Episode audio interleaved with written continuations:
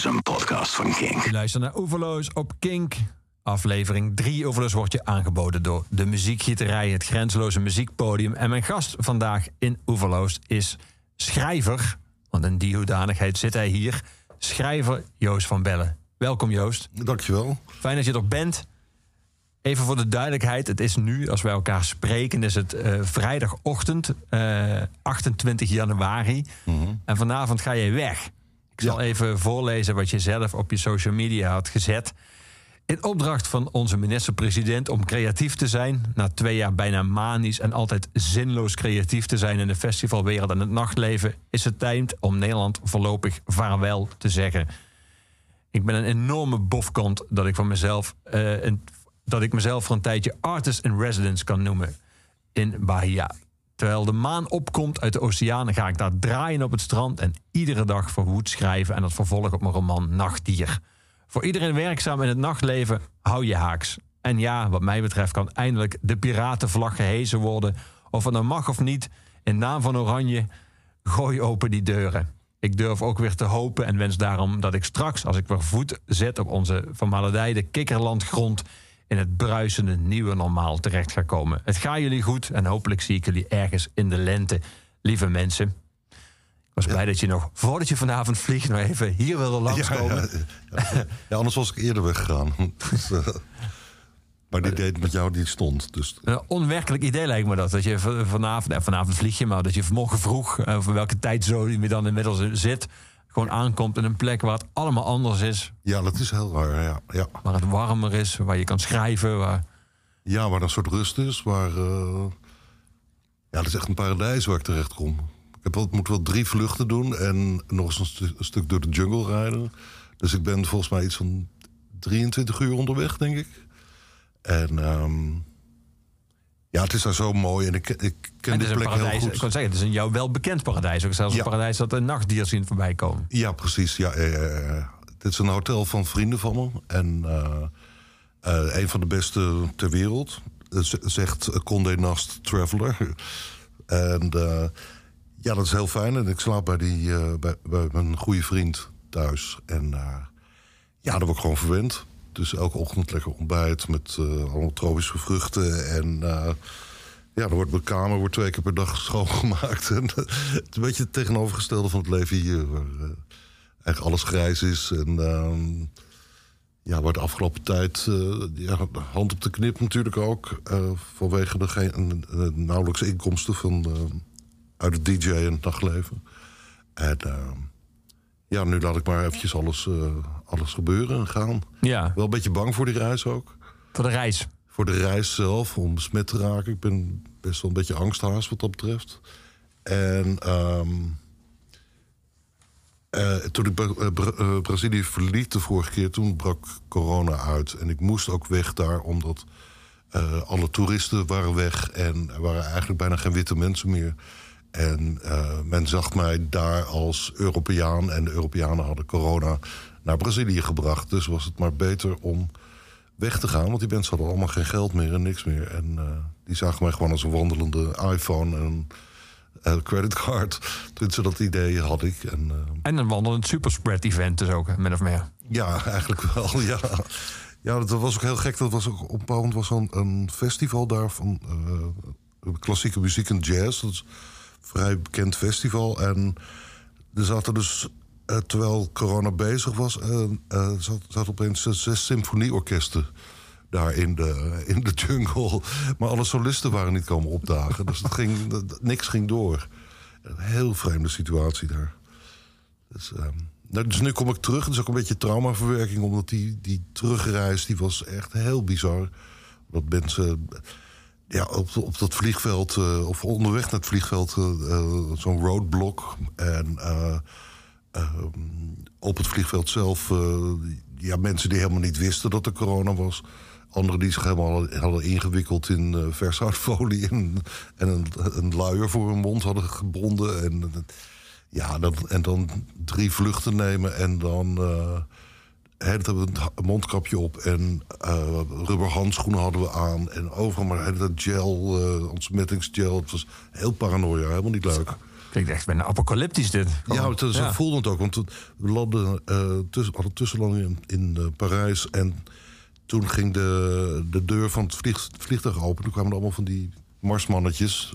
Toen leek het zo. In witte pakken, die kwamen naar binnen stormen. En toen dacht ik, wat de fuck gebeurt hier? Dat was, ja, het was even wedden. ja. Helemaal niet, denk ik. Nee. Nou, nou, nu terug en dan. eh, het zal nu wel iets beter geregeld zijn. En, eh, die vluchten we. En, ehm, en toch weer die plek die, die, eh, die is gelukkig gered. Ze hebben eh, inzamelingen gedaan. De, de superrijken uit de buurt en het, eh, het hotel met alle gasten die daar komen. Hebben geld bij elkaar ge- gesprokkeld om eh, eh, 1100 gezinnen te onderhouden tijdens de coronatijd. Dus dat is heel fijn. En eh, het mes snijdt natuurlijk ook aan twee kanten. Omdat eh, als ze dat niet hadden gedaan, dan, waren, was de bevolking waarschijnlijk gaan plunderen.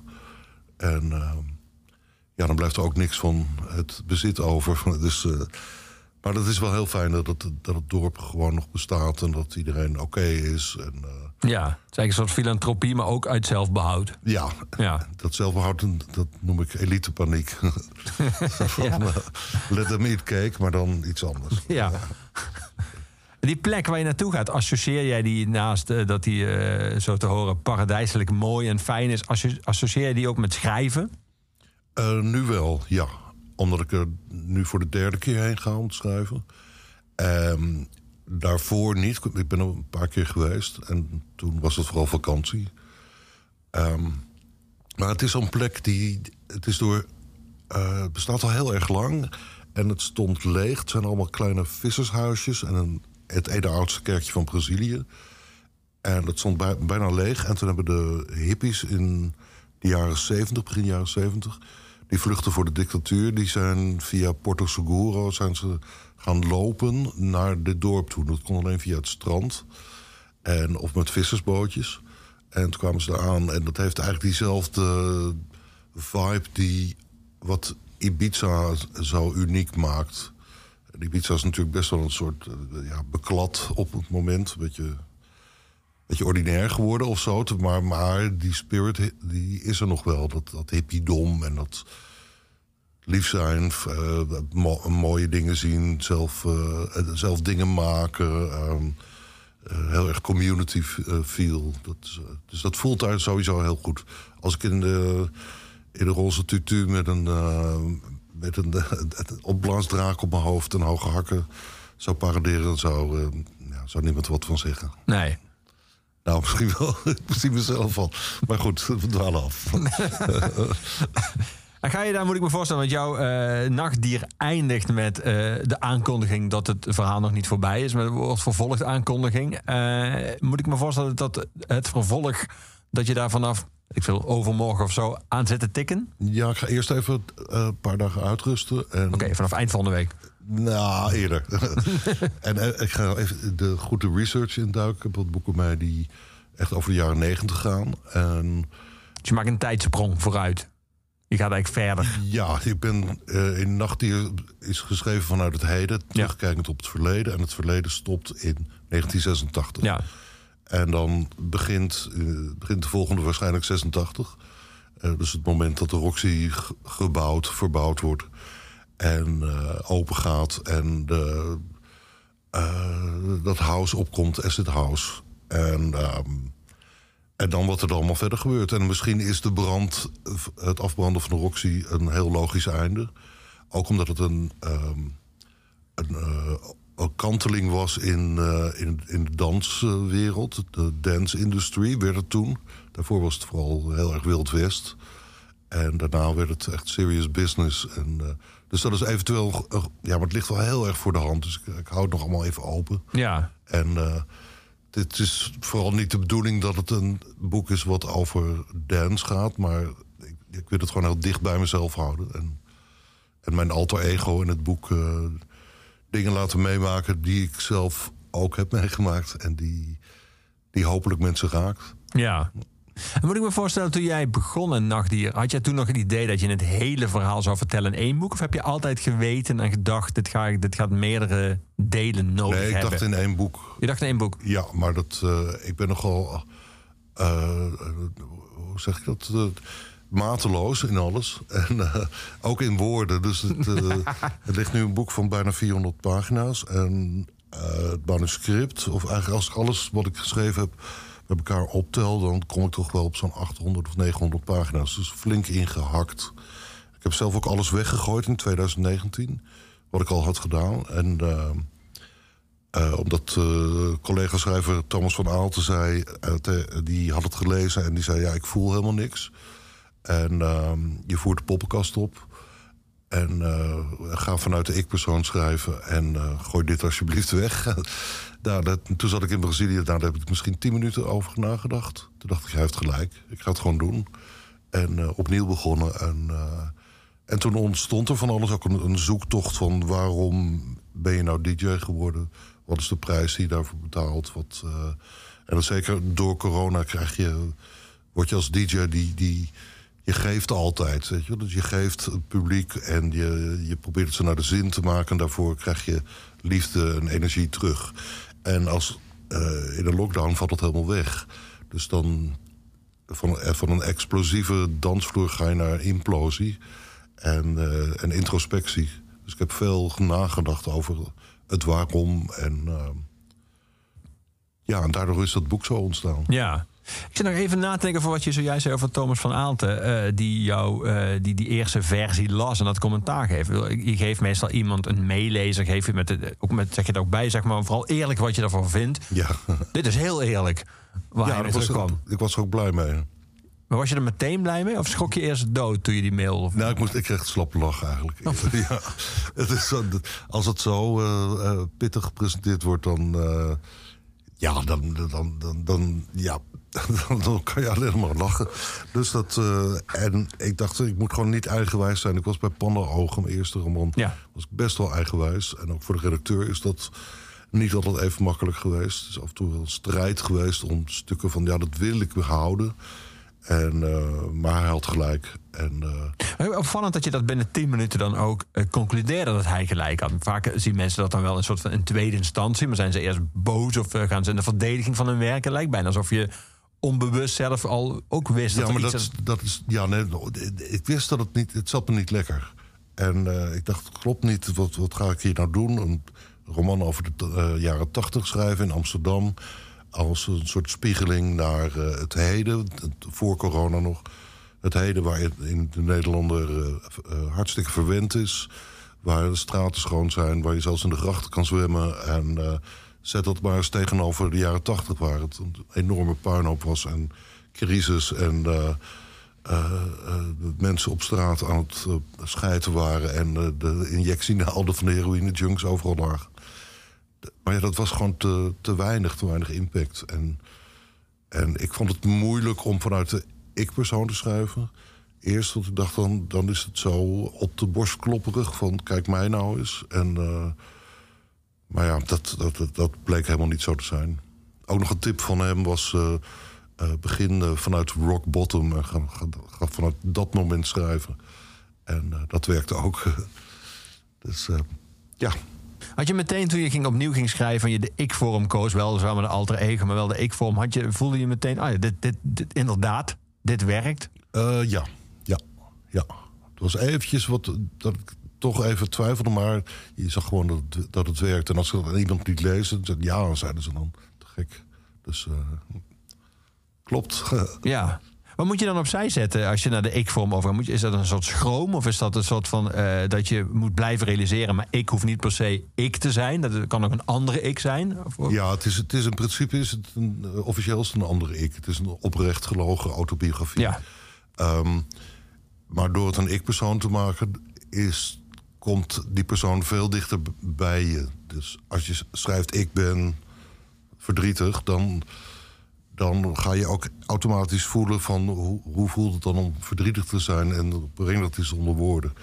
En eh, als je zegt hij was verdrietig, ja, dan, eh, want hij zag er zus en zo- uit, dan, dan, dan zie je dat alleen maar als toeschouwer. En uit, eh, vanuit de ik-persoon moet je echt vanuit het persoon zelf schrijven. Dus veel meer gevoel in. Ja.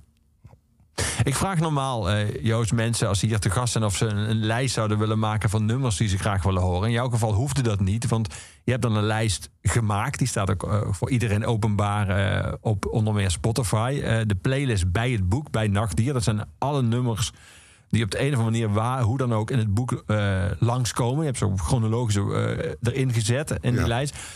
Het zijn 132 nummers. Er zit bijna er zit ruim 9 uur muziek in het boek. Je zei het al. Ik, Ja, ongelooflijk, hè? Terwijl Je het zei, ik ben niet echt mateloos. stoort of zo. Nee, ja. helemaal niet. Ja, mateloos. Ja, ga door. Maar hoe heb je, hoe heb je gekozen? Want de muziek loopt natuurlijk eh, door, jou, door jouw aderen op alle manieren. Dus je had, je had ook eh 500 nummers waarschijnlijk kunnen opvoeren, of 1000. Maar je hebt ook daar een keuze moeten maken. Ja, anders wordt het echt een muziekboek. En Ja. dat is het ook wel, maar Maar ook wel niet. ook weer niet. Nee. En ik had, had best wel wat meer obscure muziek erin staan. Maar toen dacht ik, ja, dat wordt zo nerdy. En ja, misschien toch maar beter om dingen erin te zetten die, die eh, mijn moeder ook kent. Of, eh, of wie dan ook.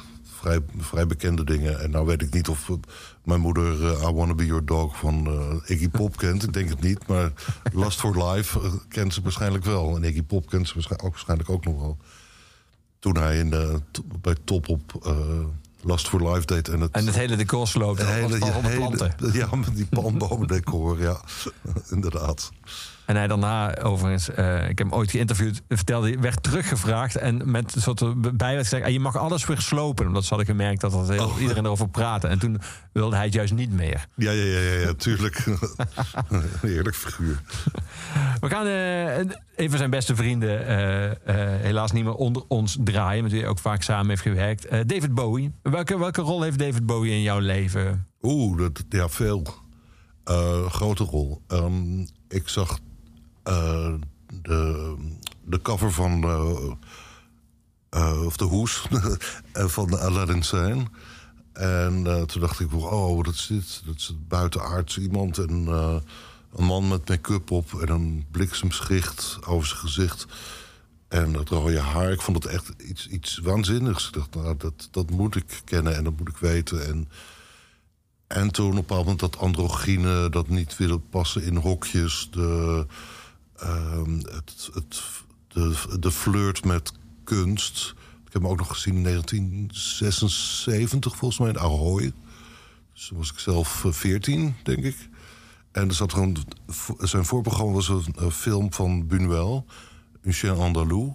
Hij had als voorprogramma vertoond in een film. Ja, Dat is wel heel bijzonder. ja, dus dat was al van wow. En die film, die ja, duurt geloof ik 20 minuten of zo. Die, eh, daar zit dan zo'n hand in en er komen mieren uit. Volgens mij hebben we nu wel het met uh, Salvador Dali gemaakt. En op een bepaald moment is er een, eh, eh, zie je een vrouw en dan zoomt hij in op een oog. En dan houdt ze de, eh, met de vingers houdt ze oog helemaal open. En dan met eh, andere vingers komt met een scheermes en snijdt zo die oogbol door. Nou, dan zit je dan als 14-jarige jongen in Ahoy naar David Bowie te kijken. En dan van, what the fuck? Trouwens, in het echt was het een koeienoog, maar dat, dat, was de truc van toen. Maar dat is een... En ehm, ja, het is een prachtige film. En dan, dan ging het, het scherm omhoog en dan was dat een decor van eh, TL-balken, witte TL-balken. En daar stond dan eh, The Thin White Duke. En het was, ja, dat was waanzinnig. Er zat geen moment tussen de film en de, de show. Dus de, de film liep over in de, in de show. Ja, eigenlijk. ging gewoon, eh, je hoorde dat de film was klaar, aftiteling. Wat ik me kan herinneren hoor, misschien herinner ik het verkeerd. En eh die hoorde al de, de, de, de, de, eh, de gitaar eh, razen en ronken. En volgens mij begon die ook met Station to Station. Dus dat begint zo heel langzaam. Ja, ja. En dan, dan- en dan komt hij op gang. Dus, Te gek. We gaan de, de, het titelnummer van die plaat waar je die hoes toen, waar je die hoes van zag en meteen al in gaan we draaien. Hier is David Bowie.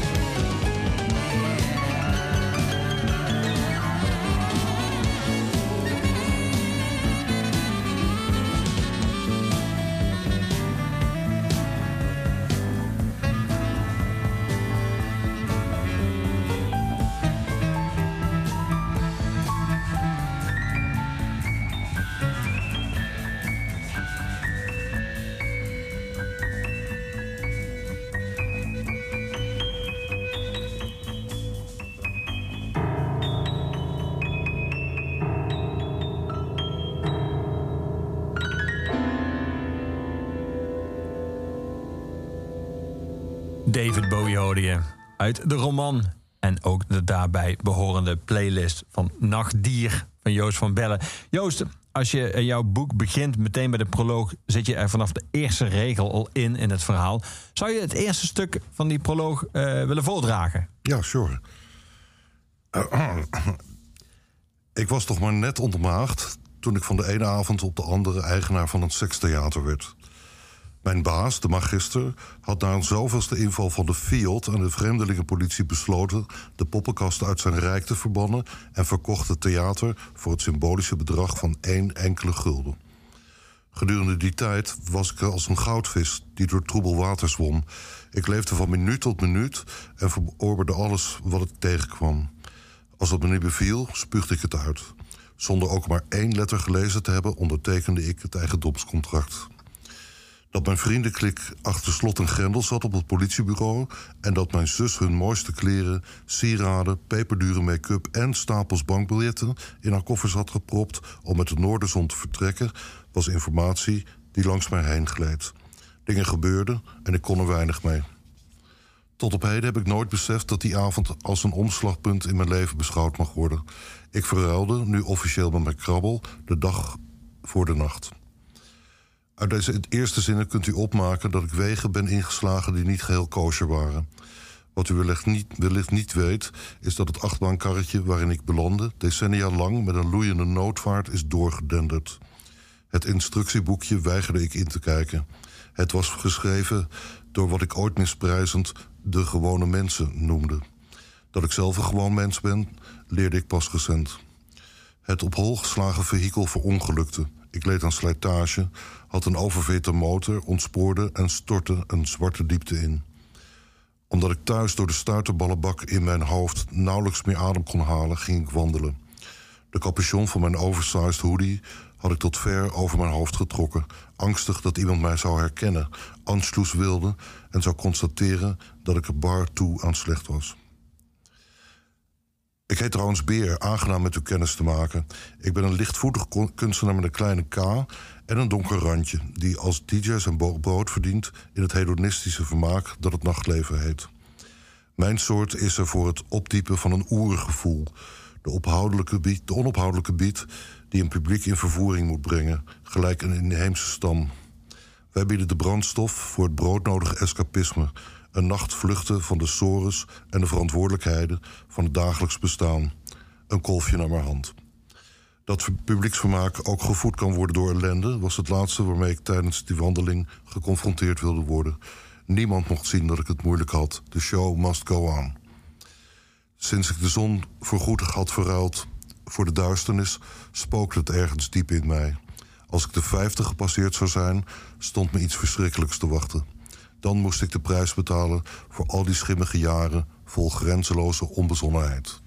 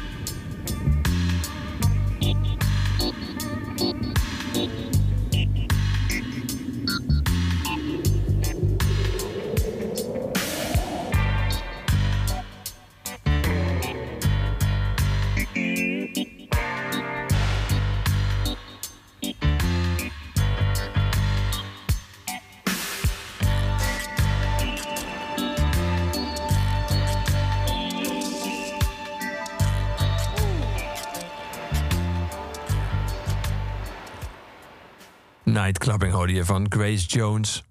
Joost, je schrijft in je roman op een gegeven moment... aangezien ik vanaf mijn tiende levensjaar de nacht prefereer boven de dag... ben ik zoiets, en heb je het over een regelmatig leven... totaal niet gewend, beste lezer. Eh jouw, jouw, dat doet de titel natuurlijk al vermoeden... jouw roman is heel erg gebaseerd op en geïnspireerd door, eh, door de nacht... Eh, maar tegelijkertijd is hij tot stand gekomen en uitgekomen in een tijd waarin juist de nacht permanent op slot zat. Eh, eh, en het hele nachtleven. Waardoor jij noodgedwongen, zo te lezen voor het eerst sinds je tiende, een soort afstand moest nemen van de nacht. En een Ja. soort afstand ernaar kon kijken. Wat, wat heeft je dat geleerd? Oh, dat het. ehm, het is escapisme, het is vluchtgedrag. Het is een eh, ontmoetingsplek voor gelijkgezinden. Ook hoe ongelijkgezind ze ook zijn, maar in ieder geval mensen die, die niet binnen het dagelijkse norm passen. eh, of denken te passen. Het is ook een fantasiewereld, dus dan heb je dat escapismewereld. Ehm, eh, voor mensen die voor even iemand anders willen zijn. Het is een plek waar je je, je sores en je eh, stress van, een, ehm, van, van, van, van je normale werk kan wegdansen. Het is een plek van verbroedering. Ehm, een plek van waar je mensen leert kennen, vreemden ontmoet. Wat ik heel erg, veel, heel erg mis trouwens. Eh, Je mist mensen zien die je nog niet kent. ja, en mee aan de praat raken. En ook al is het maar een paar zinnen en zie diegene nooit meer. Het is, dat is gewoon leuk en fijn. En soms ontmoet je mensen voor, die vrienden voor het hele leven zullen zijn. En ehm, het heeft mij geleerd... Ja, ik ben heel erg op zoek gegaan. wa- Waarom vond ik dat dan zo aantrekkelijk? Waarom wilde ik buiten die normale standaarden staan? En dan, dan is eh, toch wel een van de redenen is... ehm, eh, homoseksualiteit. Omdat ik heel jong al wist dat er iets niet klopte aan me. Tenminste, dacht ik dat er iets niet klopte. En op een moment blijkt dat echt zo te zijn. En dan draag je als kind draag je een heel groot geheim bij je. Want je denkt, ik ben zo verschrikkelijk fout. En ik hoor je zo verschrikkelijk niet thuis. En hoe ga ik dit ooit, ooit voor, voor mezelf aanvaarden? En hoe, hoe breng ik het dan naar buiten? En zal ik dan niet verschoppeling zijn? En dat zijn gedachten voor een kind, die moet een kind helemaal niet hebben. En ehm, dus daardoor, da- da- daar zit, zit, een soort drang in voor, naar escapisme. Ze noemen het ook wel de, de Velvet Rage. Er is ook een heel mooi boek over verschenen... over de fluwele woede. Dat, vooral over homoseksuele mannen die dan... ehm, altijd maar eh, de beste willen zijn om het soort van goed te maken. Eh, de lat heel hoog leggen. eh, altijd perfect in de kleren. Soms ook opvallend willen zijn. Eh, maar ook heel de, de- zelfdestructief kunnen zijn. En ehm, ja, dat, dat, dat, dat, heb ik uitgevonden. En ehm, verder is het misschien ook een aandachtsding. Eh, mijn ouders en, de ouders van, van het hoofdpersoonboek is veel dikker aangezet trouwens.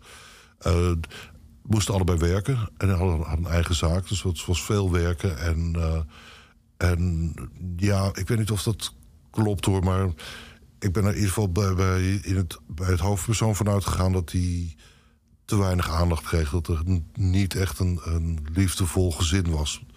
En bij mij was dat trouwens wel zo, maar eh, wel een beetje een awkward gezin. Maar was wel liefde, maar in het, het gezin van, de, van het hoofdpersoon niet. Dus die, ehm, die zoekt dan zijn heil en zijn liefde ergens anders. En dat kan ook, eh, ook een reden, dat is ook een reden voor heel veel artiesten dat ze artiest zijn geworden. Om op een podium te staan en hun hart te luchten en eh, liefde te geven en daardoor liefde te kunnen ontvangen. Ehm, dus die drang naar, naar, naar, naar dat spotlight is heel groot. Bij mij dan. Ja. En dat, eh, dat klinkt ijdel, maar eigenlijk is dat eh, eigenlijk best wel treurig. Zei hij lachend. Nee, dat is zo van: ik moet, ik, moet, eh, ik moet de beste zijn, ik moet mensen naar zitten. Ik moet, ik moet, ik moet. Lat heel hoog leggen. Jezelf eigenlijk nooit goed genoeg vinden. Het is, ja, dat is slopend. En eh, nou, dat heb ik wel uitgevonden. Heb je ook ervaren dat het uiteindelijk sloopt? Ja, ik heb het ook ervaren. Ja. ja. Mentaal. Door eh, eerst eh, eh, hyperventilatie, toen angststoornissen. En toen depressie. En daar ben ik nog steeds voor in behandeling. Eh, trouwens, het gaat hartstikke goed met me. Ehm, maar en ik, wil, ik, ik zit ook aan de antidepressiva aan. Daar, wilde ik heel graag van af, twee jaar geleden. Maar dat kon niet vanwege corona. Ze zeiden gewoon nee, no way. En nu als ik terugkom uit Brazilië... dan ga ik toch echt wel... wil ik echt wel vanaf whatever happens in de wereld. eh, gewoon weg met die, eh, met die pillen. Maar ze hebben me wel geholpen. Dat, is- dat is wel heel fijn. En eh, Vind je het idee vervelend dat je soort van, voel je soort van afhankelijk van medicatie? Is dat de reden dat je daar dan mee wilt stoppen? Ja, ja. Ja, en ook omdat het in je hoofd iets doet. En dat je daardoor toch anders, misschien een, een- iemand anders bent. Ik ben wel gewoon Joost van Bellen, maar ja, er is een soort eh, filter overheen over alles. Want ik weet nog dat, ik- dat het Voel je dat ook? Heb je het gevoel dat, dat je, jij vlakker bent geworden? Of dat de werkelijkheid voor jou vlakker binnenkomt? Dus soms, soms. Maar ik weet nog dat, dat, dat ik ze nam en in, in, helemaal in het begin... dat ik ontzettend aan moest wennen. Dat, eh, dat, dat op psychisch alles, van alles gebeurde. Een soort waanbeelden had. Of niet twee dingen tegelijk kon. Dus eh, ik was aan het joggen en er komt iemand aanlopen... en ik moet uitwijken naar rechts, maar daar is een plas. En dat ik helemaal... Dus schrok ik. Wist gewoon niet welke kant ik op moest. Dus eh, eigenlijk net als een, een, een, een vrouw die zwanger is... die ook van die gekke dingen kan doen. Dus mijn moeder legde dan een ui in de wasmachine en zette die aan. En ehm, dat heb ik dus ook gehad. En toen, daarna ging het eigenlijk wel goed. En toen eh, fietste ik door het Vondelpark en keek omhoog. En het was vrij blauwe, lucht en er was een, een wolkje. En ik denk, oh, een mooi wolkje. Wat is dat toch mooi? En toen dacht ik, barst, ik heb gewoon jarenlang niet gezien... dat wolken mooi kunnen zijn. Dus dat was wel een, een, een moment. En dat, eh, daar ben ik heel blij om dat dat gebeurd is. En, ehm, en verder, wat, wat, wat is er nog meer eh, verwoestend aan dat nachtleven? Ik, ik merk de laatste tijd dat ik heel erg veel kan slapen. En dan gaat het echt om tien uur, soms twaalf uur. En zonder hulpmiddelen. En dan kan ik ook nog eens een dutje doen. Ja, ik hoef natuurlijk heel weinig. Dus eh, e- eigenlijk. En ik ben, zelf mijn grootste saboteur als het gaat om beginnen met schrijven.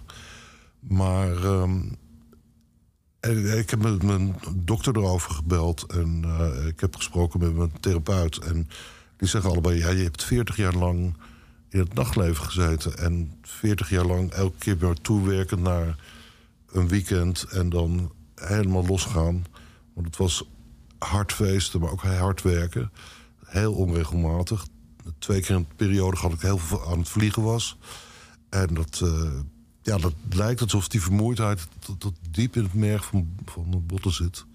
Maar is, dat het er nu uitkomt. is dat hun theorie van de, dat je dat soort van nu aan het inhalen bent dan? Is dat eigenlijk Ja, de dat- slaap die je toen gemist hebt? Dat die- zegt mijn huisarts en mijn therapeut. Ja, ik zelf dacht, eh, van, oh, ik heb iets onder de leden. Of eh, kijk, krijg wat angststoornissen. ik heb een vreselijke ziekte. Of ik heb toch corona. Terwijl het... eh, daarom ben ik zo moe. Maar eh, nee. Niet van dat alles, gewoon 40 jaar Ja, heb- nachtleven. Ja, ik heb Dat is de mijn diagnose. bloed nog laten prikken. Ik heb longfoto's laten maken. Maar het had... eh, dat, ja, een positieve uitslag bedoel ik niet zo. Want dan, dat negatief en positief... Dat, met die corona dat we een beetje in de war van raak. Maar het, het, het, het gaat go- goed met me. Dus, eh, Ja, gelukkig. Het grappige als jij net beschrijft, eh, als we het over de nacht hebben... en eh, wat jou in het begin ook, want je schrijft ook vanaf je tiende al aanspreekt in de nacht... is heel veel dingen die je vertelt lijken op een, op een vorm van eh, vrijheid. Dat die nacht vrij is. Daarom vond ik zo, eh, zo grappig dat er een, een, ehm, een passage in het boek zit... eigenlijk net voor nightclubbing eh, klinkt van Grace Jones... Dan ben je in de Koer, een club die gerund wordt door een, door een Belg die zijn spoor heeft verdiend in het Amsterdamse nachtleven. En da- dan schrijf je op een gegeven moment, ben je 19 en dan ga je eh, dansen. Maar dan schrijf je, ik kende de spelregels niet. Ik had geen idee welke houding ik moest aannemen. Laat staan hoe ik moest dansen. Eh, ik vond het heel grappig omdat je, dat je daar toch een soort van weggeeft... dat er ook in een club bestaat er iets als ongeschreven regels. Of in ieder geval waarvan je denkt dat ze Ja. gelden. Of dat je denkt hoe je moet dansen, hoe je moet gedragen... hoe je moet opstellen tegenover... ja, maar dat was, dat, dat was in die tijd wel veel eh, heftiger. Ja? Ook omdat die club was fel verlicht. en nu zijn de clubs donker, dus iedereen ziet je. En iedereen keek naar elkaar. En eh, eh, dat, dat zong Grace Jones eh, net ook. Van Ja. Bright White Clubbing en hoe ze naar mensen kijkt. En, Ja. ja, dus dat, dat was veel meer een ding. Dus eh, er waren bepaalde Klinkt een detail, maar kennelijk heeft licht heeft heel veel bepaald Ja. voor eh, Ja. het nachtleven. Of beter gezegd, minder licht. Ja, ja, ja maar, en soms ook heel veel licht. Dus ik, ik weet ook wel dat we feesten waar, waar ik dan de, een van het, het scepter zwaai... Dat, dat ik altijd praat met lichtmensen en dat het wat mij betreft af en toe... dat je altijd extreme moet zoeken in licht. En, en dat het gewoon helemaal pikken donker, maar dan ook ineens gewoon helemaal... Gewoon bright white. En dat iedereen elkaar ziet staan. En natuurlijk is de tendens de laatste jaren, vele jaren al, om het zo donker mogelijk te maken. Maar ik weet het niet. Misschien ben ik, ben ik gewoon een oude lul. En, eh, maar ik heb toch zoiets van. Ja, het is toch leuk om mensen te zien en mensen, dat mensen zich uitdossen en eh, hun best doen. En dat het feest eigenlijk al misschien dagen van tevoren begint met denken wat je aan gaat doen. En ja, dat, dat, dat mis ik een beetje. Maar Ja. dat is ook typisch jaren tachtig en eh jaren negentig ook wel. nou, begin jaren nul ook trouwens. Ook dat is al twintig jaar geleden. ja, ja, ja, precies. Ja. Heb je dat ervaren dat, eh, dat als jij stond te draaien, dat het effect van licht bijna net zo groot kan zijn als dat verandert dan eh, het effect van als een nummer verandert of als andere muziek klinkt? Ja, ja, ik heb ook wel eens eh, dat ik draai en dat ik me laat leiden door het licht. Dan is het zo'n goede, coole lichtjockey. En dan is het wel fijn als diegene vlak naast je staat. En, in Mooi de zin trouwens, bijna evangelisch. Dat je laat le- leiden door het licht. Dat is wel een mooie. Ja.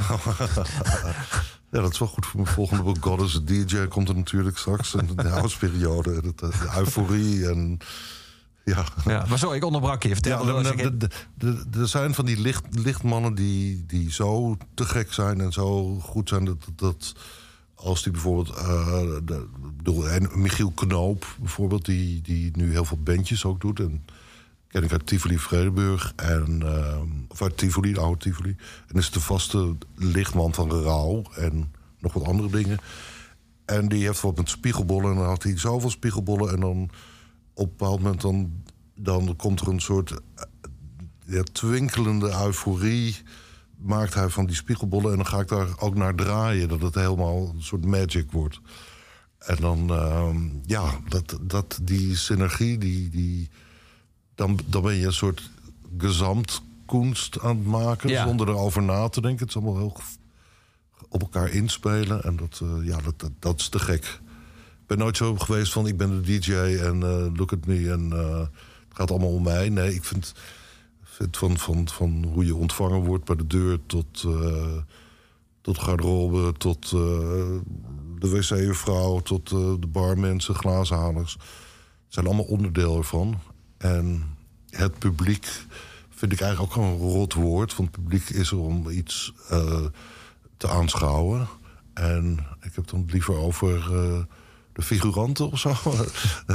nou, die kunnen soms ook helemaal in, in de spotlight staan natuurlijk. Ja. Met z'n allen zet je iets neer, die energie. En, eh, ja, dan word ik een beetje mystiek. Word. Het grappige is, jij noemde net, jij noemde net ehm, eh, die spiegelbol. Ik moest heel erg lachen. In het begin van, eh, van, van je roman schrijf je over jouw geboorte. En dan schrijf je over je moeders hadden op een kerstkind gerekend... maar was inmiddels een week te laat.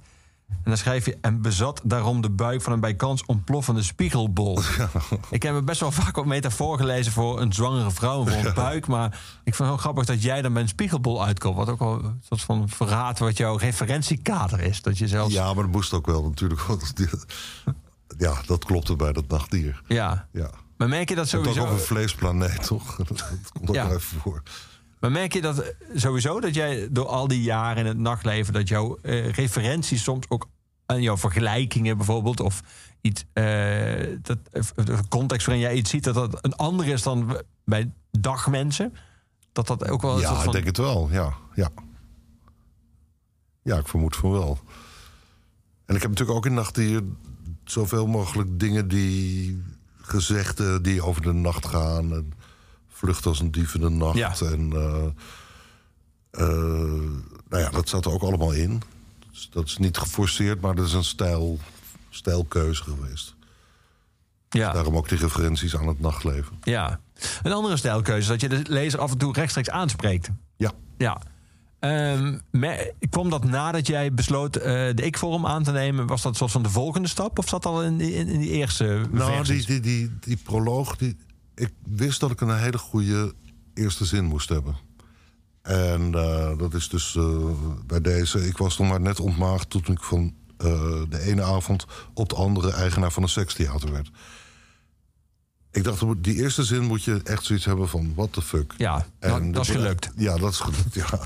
En, ehm, eh, wacht, ben even je vraag kwijt. Nou, die, dat aanspreken van de lezer. Toe Ja. zeg je beste lezer. En- of, of zeg je en tr- toen dacht ik van ja, het- ik, ik, wil, ik ben echt aan het praten tegen mensen. En dat dacht nou, ik zet, ik zet dat gewoon in. En toen was er iemand die me begeleidde bij het boek. Een soort coach had ik. Eh, een- vriendin die in New York woonde. Dus die, die elke dag zei, ze van... hoe gaat het met je oude rups? En eh, oude neel, wakker worden, je moet weer aan de slag. En dat, dat hielp me ook, want ik had nog geen contract bij je... en nog geen uitgever. En eh, die vond dat niet zo.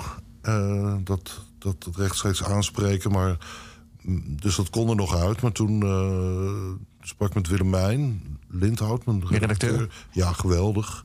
En die, eh, die zei, ja, dat is juist goed. En toen kwam ze met allerlei voorbeelden... waar het ook in gebeurt. En ehm, dacht ik, ja, dan moet ik het gewoon doen. Toen had je argument om ook je coach overzees te Ja. overtuigen. Want je moet wel. ja, ze vinden het volgens mij nog steeds kut. Maar Wel handig lijkt me dat. Eh, zeker eh na aanleiding van wat je zojuist vertelde. Als je iemand hebt die gewoon elke dag even... eh, je krijgt ook een soort schuldgevoel. Niet alleen naar jezelf toe, maar ook naar een ander. Als je dan niks Ja. doet op een dag. Ja, precies. Ja, ja, ja. En ik zat echt in zak en as in eh 2020 najaar. En ik kwam maar niet verder met het schrijven. En thuis werd het... Ja, je, die hebben tijdens die lockdown en het was allemaal naar. En toen ben ik bij vrienden gaan wonen die een, appartement hebben boven hun huis in de Jordaan. En daar kon ik gaan schrijven, maar dan zat ik nog steeds op slot. En toen, eh, toen kwam, was zij over uit New York en was bij hun beneden. En, toen, en ik kende haar nog van vroeger uit, eh eh, uitgaand, of, uit, ja, uitgaansleven sowieso. Maar ook omdat ze bij ehm, mijn literaire agent toen en eh, bij de uitgeverij werkte. Dus wist, ze wist van boeken. Ja. Dus, eh, en dat bood ze aan. Ze verveelde zich en eh, dat heeft ze heel erg goed gedaan. We gaan muziek draaien, Joost. Een nummer dat goed past bij de mateloosheid waar je het eerder over had. Dit is Depeche Mode.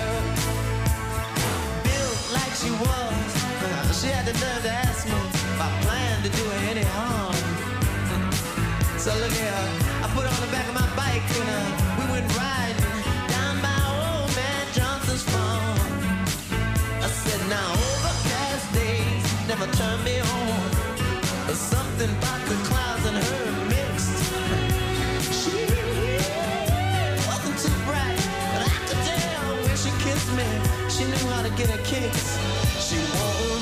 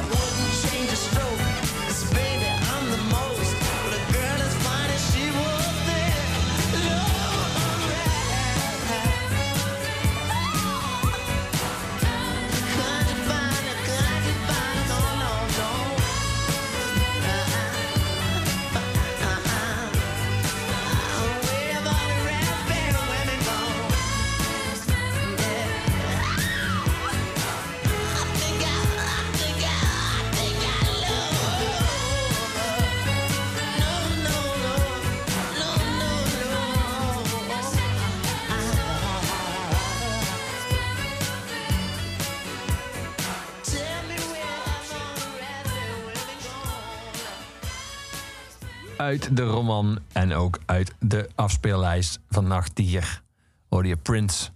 Joost, je schrijft op een gegeven moment... Dat is immers in de kern mijn roeping. Ik dien op en u geniet. is dat heel kort samengevat het bestaan als DJ? Eh, voor mij wel. Ja. En het is toch maar de vraag of iedereen ervan geniet. Want eh, niet iedereen houdt van Japans eten of van, eh, of van de eh, conf- confusion eh, food. Zoals ik dat wel de laatste tijd veel dingen door elkaar heen draai. En ehm, ja, maar dat is wel, ja, Ja, ik dien op u geniet. maar dat, in dat ik dien op zit ook al... het, het, het is, je, je doet het voor die mensen hiervan genieten, maar jij bepaalt. Ja. Ja, maar ik word natuurlijk ook gevraagd om op te dienen. Dus dat is er weer iemand anders die dat bepaalt dan. Ja. Dus, eh, en uiteindelijk is degene die, die, het, eh, die genieten, die zijn er ook op afgekomen. Dus ehm, ja, ik, ik dien iets op en dat mensen wil- willen dat en eten dat daarom op. Ja. Nou, ik vraag het omdat het cliché van een, zeg maar, een, een, DJ, een ander DJ dan jij bent, maar dat iemand die ergens platen draait, is dat er iemand voor, zeg maar, voor de desk staat met een, eh, met een verzoekje. Eh, Het is natuurlijk altijd interessante eh, vraag in hoeverre je moet draaien wat je publiek wil, in hoeverre je op je vooruit mag lopen, hoeverre je ze mag meenemen, wil meenemen iets, in hoeverre zij gaan over wat jij doet, omdat je het voor hun doet. Eh, Ja. is, is jouw opvatting daarover in de loop der jaren bijvoorbeeld veranderd? Toen jij begon, had je toen een andere soort van beroepsopvatting dan nu? Of is het eigenlijk altijd hetzelfde gebleven? ik- altijd gewoon gedraaid wat ik tof vond op een bepaald moment. En dat is eigenlijk altijd wel hetzelfde gebleven. Soms dan, dan voelde ik hem niet zo en dan, ja, dan ga je maar draaien omdat je, ja, je moet gewoon draaien. Het is dan je werk opeens. En dan, ja, en verder is het, ik vind het heel belangrijk. Ik, ik kijk altijd een zaal en kijk hoe, hoe proberen te voelen, of de energie te voelen of de, Weet je wel, soms kan het, eh, is het he- he- hele, heel gespannen geil binnen. En dan, dan moet je dat ook muzikaal doen. Soms het binnen mensen gewoon helemaal exploderen. Dus dan, dan moet je ze dat heel af en toe geven. Niet te veel, want dan is het snel afgelopen met de avond. Dan is het op. Zeg maar, ja, het je moet, dan, je, moet, je moet ook veel werken met het soort timing, vind ik zelf. Soort, van de rake plaat op het rake moment. En, en teasen. ergens naartoe werken, als het kan. Ehm, ja, ik ben, ik ben ook wel eens de, de soort preacher geweest... van dit moeten jullie gewoon horen en dit is gewoon helemaal te gek. En dat, dat heeft... Soms is dat heel goed uitgevallen, zoals met housemuziek bijvoorbeeld... en met eh, UK Garage, eh, Speed Garage... Ja. En eh, ook met Electro, Electro Clash. En, eh, maar soms ook helemaal niet, dan, eh, dan vonden mensen niks. Ehm, ja, dat, Kun je daar makkelijk bij neerleggen? Of is dat, sta je dan wel eens eh, in de boot en denk je... Jezus mensen, snap toch, snap toch wel hoe goed het is? Dat, ja, nou, ik vind het ook niet erg dat, dat, ik soms een plaat draai... of, een plaat draai, een nummer draai... Die, waar, ieder, waar de, de- iedereen van wegloopt. Van, wat de fuck is dit, hier kan ik niet op dansen. Dat is ook wel weer goed, hoor. Dan moet je, het is natuurlijk een enorme uitdaging... om dan het weer gaande te krijgen. Maar eh, ik heb vooral tijdens die all-nighters die ik deed in de Melkweg... waarbij ik eh, vijf, zes uur lang draaide op zolder. En dan eh 90% van de muziek die ik draaide was nieuwe muziek. Die ik daar de week daarvoor, twee weken daarvoor had verzameld. Dat enorm veel tracks elke, elke maand. Die, die nooit van zo lang als leven allemaal bij het titel kon kennen. Dus er zitten allemaal verschillende mapjes met een naampje erbij. En dan gewoon ervoor gaan. En ik, ging, ik koos ook voor hele weirde dingen. En gewoon omdat ik wilde verbreden en wilde eh, eh, onderzoeken. En, daar, eh, en ik weet nog dat ik de eerste keer ehm, de eh, remix van eh, eh, Boys Noise van een nummer van Deutsche-Amerikanische Freundschaft draaide. En eh, dat mensen echt eh, iets hadden. Waarom begint het zo langzaam? Dan gaat, gaat hij opeens op dubbel tempo. En, en ze konden er echt helemaal niks mee. Maar twee maanden later stond het helemaal eh, op zijn kop erdoor. Dus, eh, En heb je wel eens, eh, ik kan me voorstellen dat je, net zoals bands, als, als publieke lauwers weten van oké, als we nu onze hit erin gooien, is meteen de zaal mee. Maar sommige bands vinden dat zelf dan te makkelijk. Denk, Ja. Of denken van wacht, wachten jullie maar even. Dat doen we in de toegift wel, maar eerst gaan jullie eens even luisteren naar wat wij willen spelen. Werkt Ja. dat bij jou ook zo? Dat je af en toe weet, ik heb iets achter de hand en ik weet dat ik dat nu erin gooi, is die dansvloer meteen weer vol. Maar ligt eraan waar je staat. Dus eh, ik stond op eh, Milkshake in Sao Paulo. En ehm, ik wist gewoon, ik moet gewoon keihard in. En, en dat, dat werkte ook. Want mensen waren allemaal afwachtend. En wat gaan die, die Nederlanders dan doen? En al die freaks daar op toneel. En het was een- ja, toch geweldig, geweldig moment. Allemaal ballonnen de, de zaal in. Het was een grote explosie en, en gekte. Maar die mensen waren, waren een soort van... Ja, eh, die, Paulista's, die... van wat, ja, moeten we hiermee? Maar toen, boom, die, ja, een groot intro... en toen boom, erbovenop. Gewoon een keiharde hit. Felix de Housecat en Miss Kitten. Silver Screen. En dat, toen, ja, dat- toen was het los. Soms moet je echt wrikken. Gewoon even, even, even een eh sloophamer erin zetten. Dan, eh, maar soms kan je ook heel... Als je zo'n all-nighter doet, dan kan je heel mooi opbouwen. En ik heb de laatste tijd... Eigenlijk de enige beetje vaste DJ-klussen waren voor... ehm eh, Mediamatic, eh, kunstcentrum. Die ehm, ja, heel verhaald heet. In ieder geval, in ieder geval gentle disco. En er moet heel voorzichtig gedanst worden. Mensen dansen op hun sokken, op zakken. eh, soort potaardezakken waar eh, de wortels van oesterzwabben in zitten. En dan moeten ze heel dan, voorzichtig dansen... zodat die, eh, die oesterzwamwortels eh, plat worden. En dan worden daarvan gebouwen gemaakt. Dus dat is een heel ding. Maar dat heet dan Gentle Disco. En dan, dat heb ik onder de naam DJ Huppel de Pub gedaan. Want ik kon er niet op een naam komen. En undercover. Dus niemand... Het, waren, het, het is ook openbaar, openbare weg. Dus mensen kwamen gewoon langs. En daar ben ik juist heel erg een soort van zachtheid. En, en, en dan, en dan eh, de omgevallen platenkast. Dus alles kan in principe. Ja, ja. En het opent. Het openingsnummer zal altijd eh, Steve Reich's. eh, hoeveel marimba's zijn het? Acht marimba's.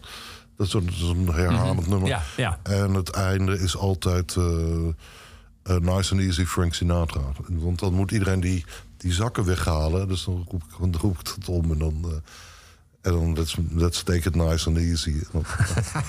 En blijken mensen, kunnen mensen dat? Gentle dansen? Of is dat ook nog een hele kunst op zich? nou ja, je krijgt wel de- sommige mensen die dan naar me toe komen. Oh, dit of draai even... eh, weet je wat, je moet, we moeten handjes in de lucht. We moeten, nee, dat was helemaal niet de bedoeling. Dus dat is wel toe- handjes mogen in de lucht, maar de voetjes moeten rustig blijven. Dat is dan... Nee, maar ook niet handjes. Het moet gewoon een soort... Zo, ja, het is kunst. Dat, ik vind het heel erg leuk om allemaal verschillende... te experimenteren met verschillende dingen. En dit is natuurlijk een soort waanzin ding. Want die, die hutten die, die die kunstenaar mee bouwt... Die, eh, ja, die gaan weer groeien. Dus er komen weer paddenstoelen uit. En dan... eh, er gaan beestjes in zitten en daardoor komen er duiven in. En dan is er nog een theorie van... als de mens zo groot is als een duif... dan zijn alle problemen in de wereld opgelost. Dus op die manier werk ik daar dan met Gentle Disco aan mee. ja, een beetje ver gezocht voor sommigen misschien, maar ik voel hem. Ja, voel- dat is het belangrijkste. Dat DJ Huppelepup hem voelt. Ja, Je schrijft ook even met eh, Joost eh, dat je als uitlaatklep van mijn woede switch ik van brave discofreak naar punk. In een t-shirt waarop ik in, in uitgeknipte letters zoals bij los geldbrieven No Future stond gedrukt. En een vergane leren motorjas met buttons van de Sex Pistols. En een fluoroze plastic broek die hing. Die plakte aan mijn benen. Eh, er zit natuurlijk ook punk in de zin van eh, maatschappelijk eh, oproer en verzet in het boek. Want we hebben het over de jaren tachtig. Dus jij gaat er even ook naar de demonstratie. ge- geen woning, geen kroning. maar wa- wat is jouw verhouding door de loop der jaren geweest met, met punk? ik, ik ben er al een beetje bang voor geweest. Omdat de echte punkers... eh, eh, toen ik in Amsterdam kwam, dat, ja, die waren echt wel hardcore punk. En dacht ik, ik hoor er niet bij. Ik, het klopt allemaal niet.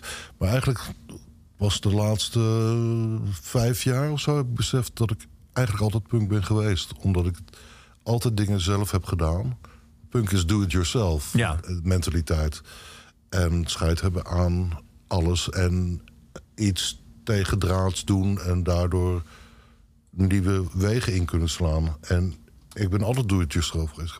Ik vind het vreselijk om een baas te hebben. Of eh, ik wil zelf dingen maken en, en daarmee aan de gang. En, en dat gaat dan in samenwerking met anderen. Maar die punkmentaliteit die, die is hartstikke belangrijk bij mij. Ja. Kan niet zonder.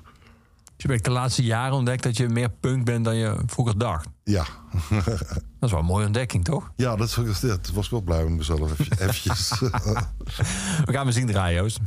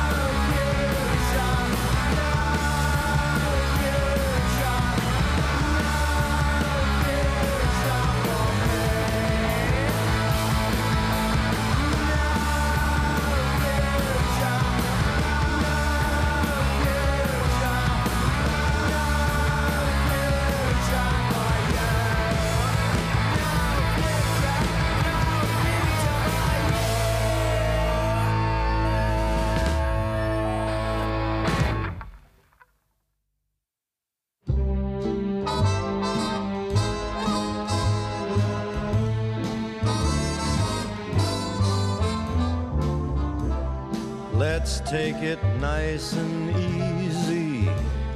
It's gonna be so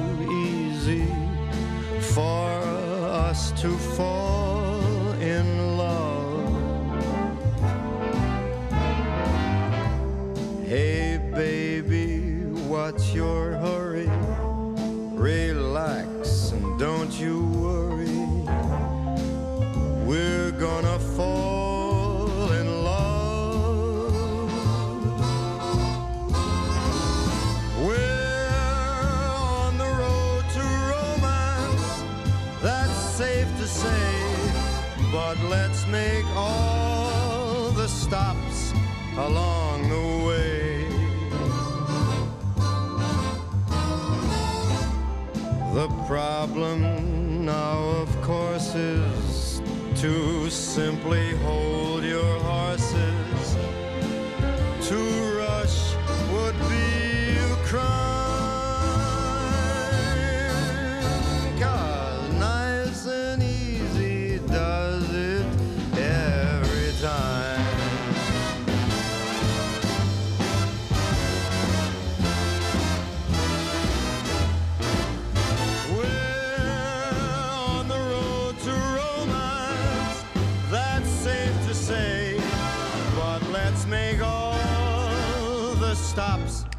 along the way.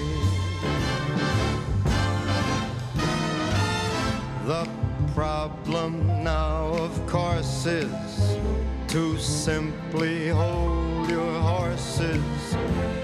To rush would be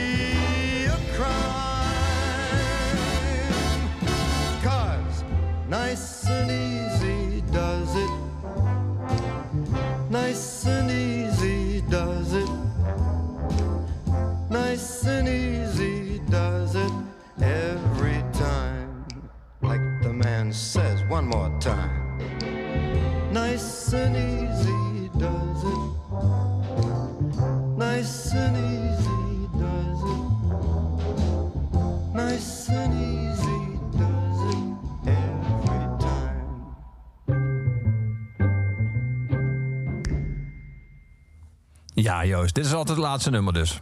Ja, bij de Gentle Disco, ja. ja. Helaas ga ik ze de aankomende edities missen. Eh, want ik ben naar Brazilië. Ja, nou, dat is eh, helaas voor hun en niet per se voor jou, want je zit, want je zit in Brazilië. Ja, maar ik zat toch wel om even mezelf getele, graag geteletransporteerd. Eh, maar goed, Je schrijft op een gegeven moment in, jouw eh, in jouw roman ehm, dat jij niet altijd had kunnen weten dat faalangst, gierende zenuwen, benauwde hokken met mengpanelen, het wisselen van muziekjes en het uitzicht over een begeerig publiek decennia lang mijn lotsbestemming zouden zijn. Eh, dat zeg je in het moment, op het moment dat door corona eh, alles stil ligt. Je schrijft ook, ik ik mis in het ontwrichtende coronajaar de adrenalinekikker van mijn beroep. En dan heb je het vervolgens over zenuwen. Zenuwen die zowel de brandstof kunnen zijn van spetterend optreden als de sloopkogels der mislukking. En je brengt ook in herinnering dat vele gro- andere groten, ook André Hazes, doodzenuwachtig altijd Ja. waren voor, eh, voor hun optredens. Is dat bij jou altijd gebleven? Of is dat ook wel eens, gaat dat, komt dat in een soort van golven, zenuwen? Of is eh, die zijn, als, als ik echt een lange set draai of aan het begin draai, dan heb ik ze veel minder. Maar als het echt zo die grote. Ja, nee, dus het kan ook zelfs dat, dat ik in een, in een boer of een schuur ergens op platteland. en er staan eh, tien pukkelige pubers op, op de dansvloer. kan ik nog zenuwachtig zijn. Maar, of, of kon ik nog ze- zenuwachtig zijn? Want ik heb een idee, maar dan ga ik meteen even afkloppen. dat ik daar een soort van overheen ben. Hoop ik, denk ik, weet ik. ja, Ja, ik ben er gewoon overheen. oké, mooi. Ja, klaar mee. Bij deze. Ik hoef niks meer te bewijzen. En dat die, dat, wat ik al zei over die velvet rage, die fluwele woede. Dat je altijd maar moet bewijzen. En altijd maar die, het, hoogste willen, willen halen. En dan nooit tevreden zijn met jezelf. Daar moet ik eens mee ophouden. En wat dat betreft is uh, Nachtdier eigenlijk ook een dubbele coming of age. Dus de, de jongen die eh, zelf onderzoek gaat en dan eh, volwassen wordt eh, in het dagleven. En dan de man die daarop terugkijkt vanuit het heden en beseft dat hij ouder wordt en daar vrede mee gaat krijgen. Dus dat, eh, ja. Ik ben, ben trouwens 60 geworden. En dat ik Je zegt het bijna alsof het jezelf verbaast. Ja, natuurlijk. Dat is ja, dan krijg ik dan weer een slappe lach. Dat, dat ik. ja, maar eh, ja, het, voelt het zo? Ja, het voelt zo. Ik kan wel zeggen van... Ja, nee, ik voel me, gewoon- ik voel me gewoon eh, eh, 25 nog. Maar dan wordt het een beetje zielig natuurlijk ook. En laat ik maar eens gewoon... Ja, tenzij het waar is, maar het is ook niet waar. Je voelt je geen Nee, 25. nee, gelukkig niet. Nee, nee. Nee, dat, eh, nee, want dat zou wel slopend geweest zijn. maar ik moet gewoon ook leren om... eh dat zijn mijn therapeut eh, trouwens ook gisteren... Moet leren een bejaard te zijn. Oh, oh, dat is nog vijf jaar. dacht ik, oh ja, dat... Nee, nou ja. Heb je vijf jaar om je daarvoor op te Ja, maken? dus dan ga ik soms heel erg langzaam lopen. En een beetje zeuren en mopperen. En eh, ik denk, ja, dat is eigenlijk ook wel leuk. Of op een bankje zitten en zo naar mensen kijken. En eh, dat zou ik ook wel een hele dag kunnen doen. Maar nee, ik ga natuurlijk gewoon nog draaien tot... Ik ben in ieder geval misschien in een bejaardentehuis op mijn 86ste sta ik nog achter de bingo-ballen. dat zou best wel eens kunnen. Dus, eh, Maar toch is het fascinerend. Want eh, kijk, in, in, de rockmuziek heb je natuurlijk inmiddels nu de, de oudere rockartiesten. De, de zeventigers, eh, de, de, of zelfs tachtigers, de Stones en zo. Terwijl ooit daar het idee was, eh, Pete Townsend, I hope I die before I get old. En nu Ja, staat hij ja. nog steeds dat nummer te zingen. Maar inmiddels is dat, zijn er steeds mensen die er een soort van ongemakkelijk mee zijn. Of daar alleen maar badinerend over praten. Maar op zichzelf zijn we eraan gewend dat eh, rocksterren oud worden. En dat die eh, Ja. rockmuziek niet meer alleen van de, van, van, van de jeugd is. nee, maar DJ's ook, hè. Dat zijn ook, eh, Ja, daar ben ik wel benieuwd. ja, ja, ja. Precies.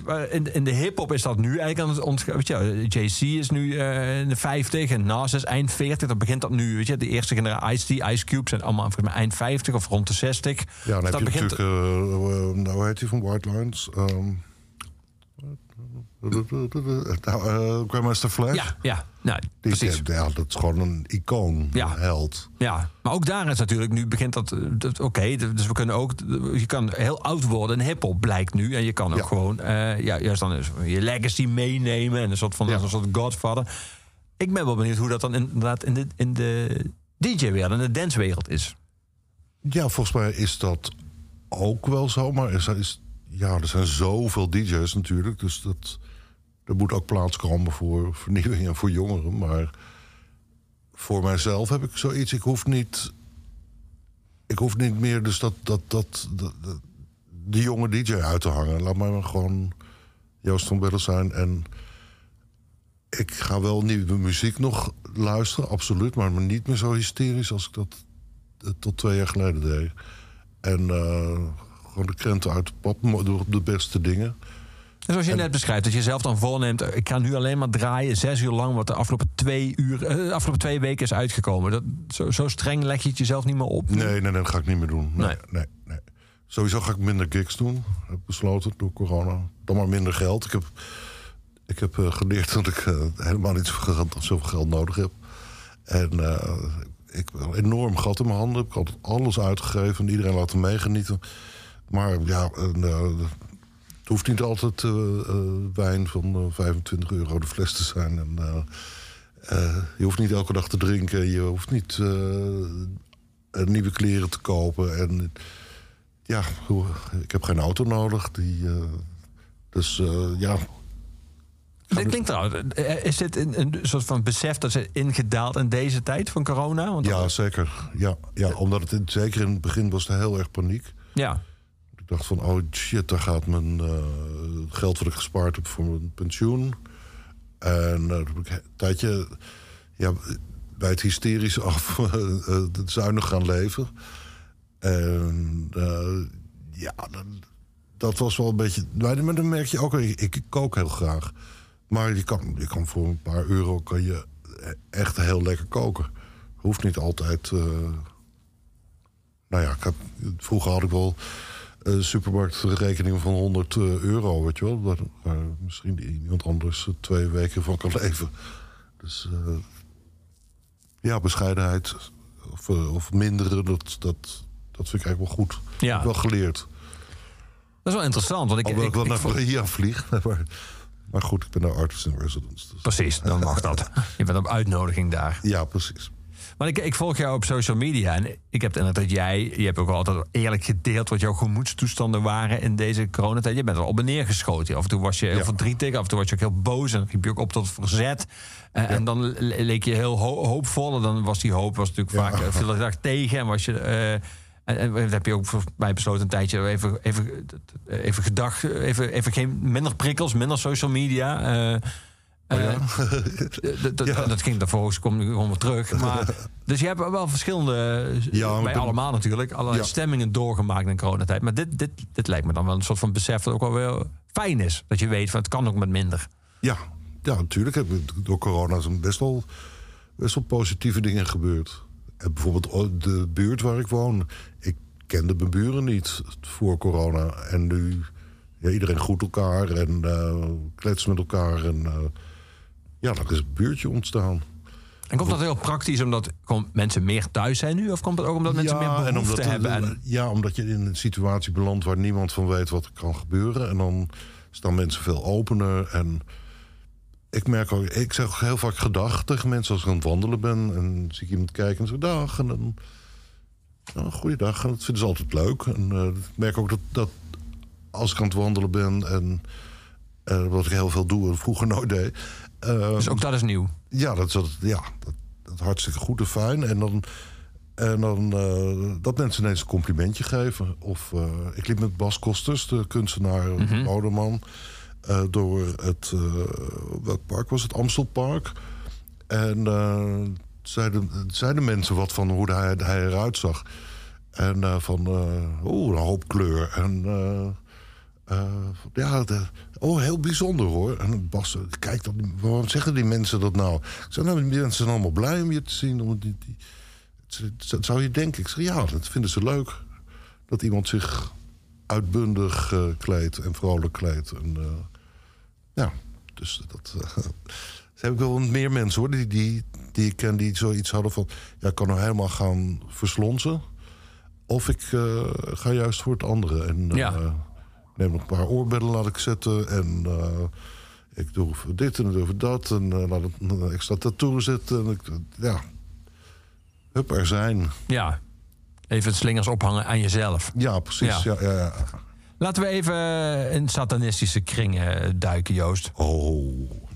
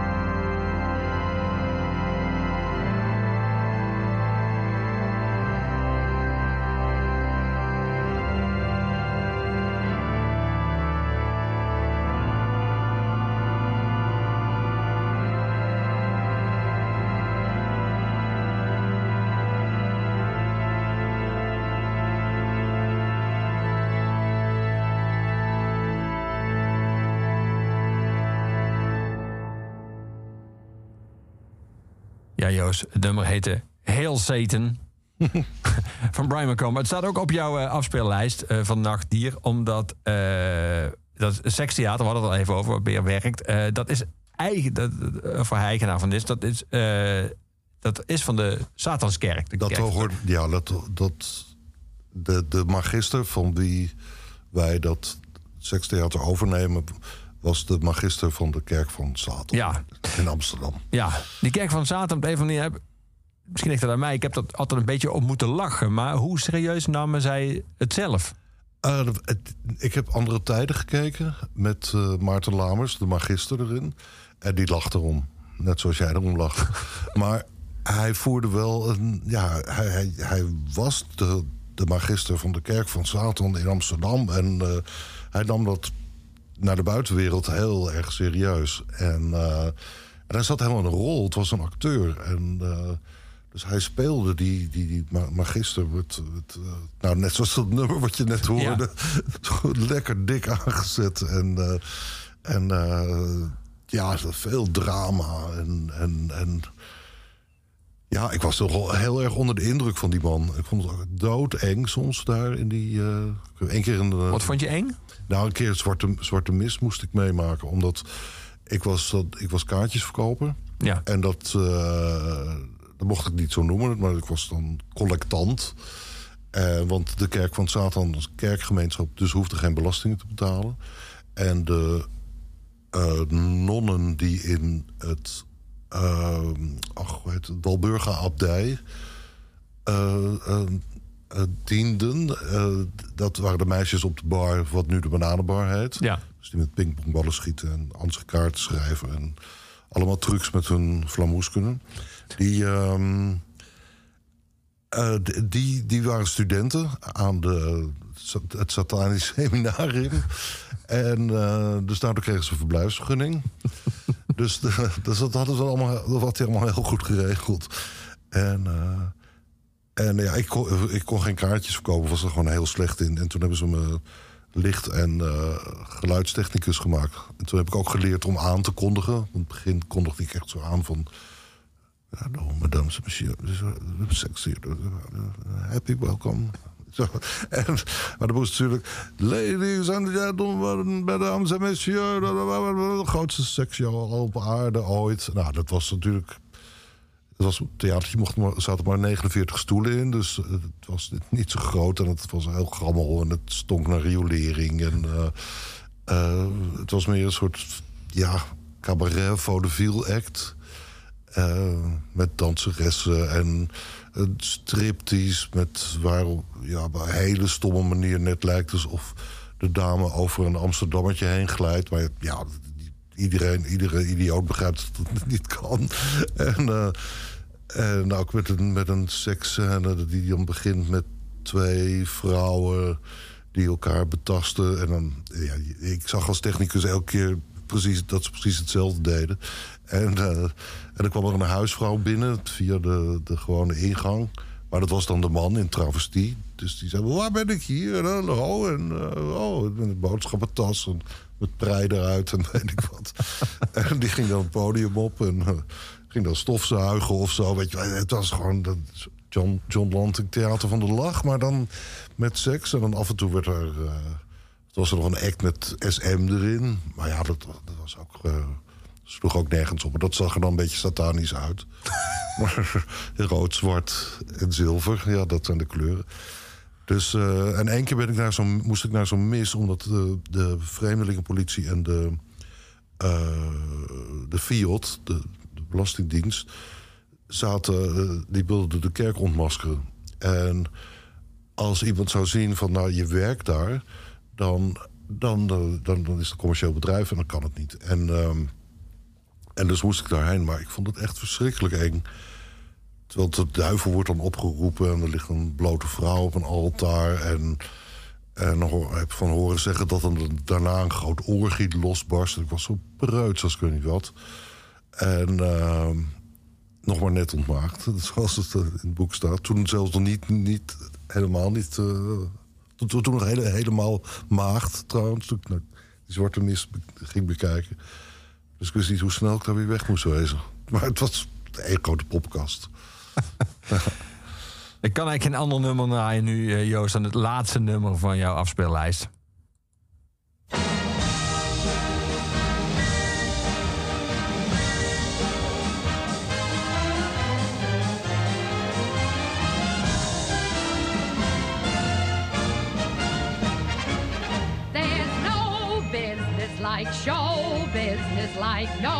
Business I know.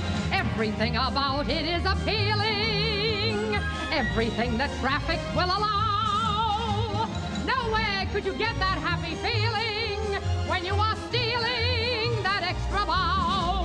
There's no people like show people, they smile when they are low. Yesterday they told you you would not go you open and there you are. Next day on your dressing room they've hung a star. Let's go on with the show. The costumes, the scenery, the makeup, the props, the audience that lifts you when you're down. The headaches, the heartaches, the backaches, the flops, the sheriff who escorts you out of town. The opening when your heart beats like a drum. The closing when the customers don't come. There's no business like show business, like no business I know. You get word before the show has started that your favorite uncle died at dawn. You're broken hearted, but you go on. There's no people like show people. They smile when they are low. Even with a turkey that you know will